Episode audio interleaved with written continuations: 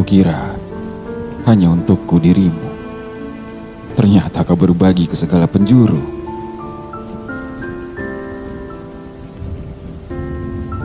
Sporadis memberi angin surga pada kawanan pemangsa. Masih kurangkah telinga ini mendengar keluh kesahmu? Belum cukupkah waktuku untuk membalas segala aduanmu? Jika aku yang kau rasa menenangkanmu, lantas mengapa ia yang memenangkanmu? Siapa? Siapa gerangan dirinya? Dari mana datangnya? Mengapa aku tidak melihatnya datang?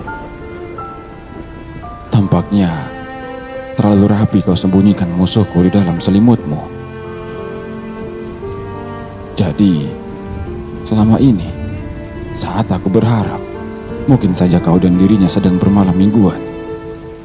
Saat aku terbuai, mungkin saja kalian sedang bergandengan tangan. Saat aku hendak membantu masalah-masalahmu, sudah ada dirinya yang selalu menjadi ksatria untukmu. Bravo, luar biasa. Dan kalah sebelum berperang adalah perasaan yang sangat menyebalkan.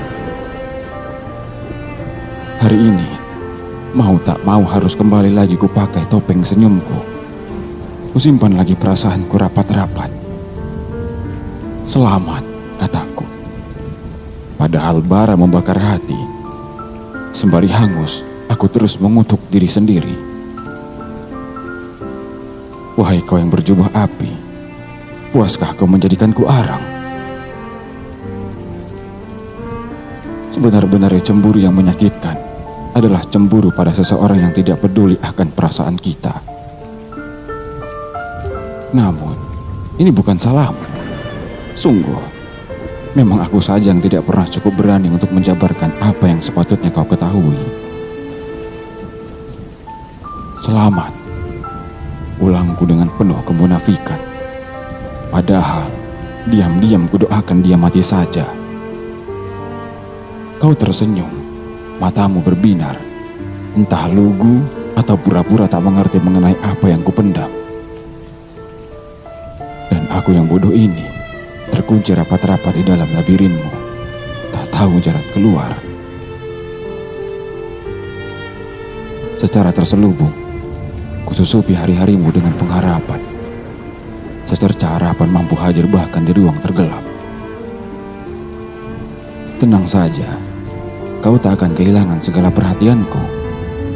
Aku hanya menyembunyikannya dengan lebih rapi lagi. Iya, aku mengalah. Aku mengalah karena aku percaya. Kalau kau memang untukku, sejauh apa pun kakimu membawamu lari, jalan yang kau tempuh hanya akan membawamu kembali kepadaku.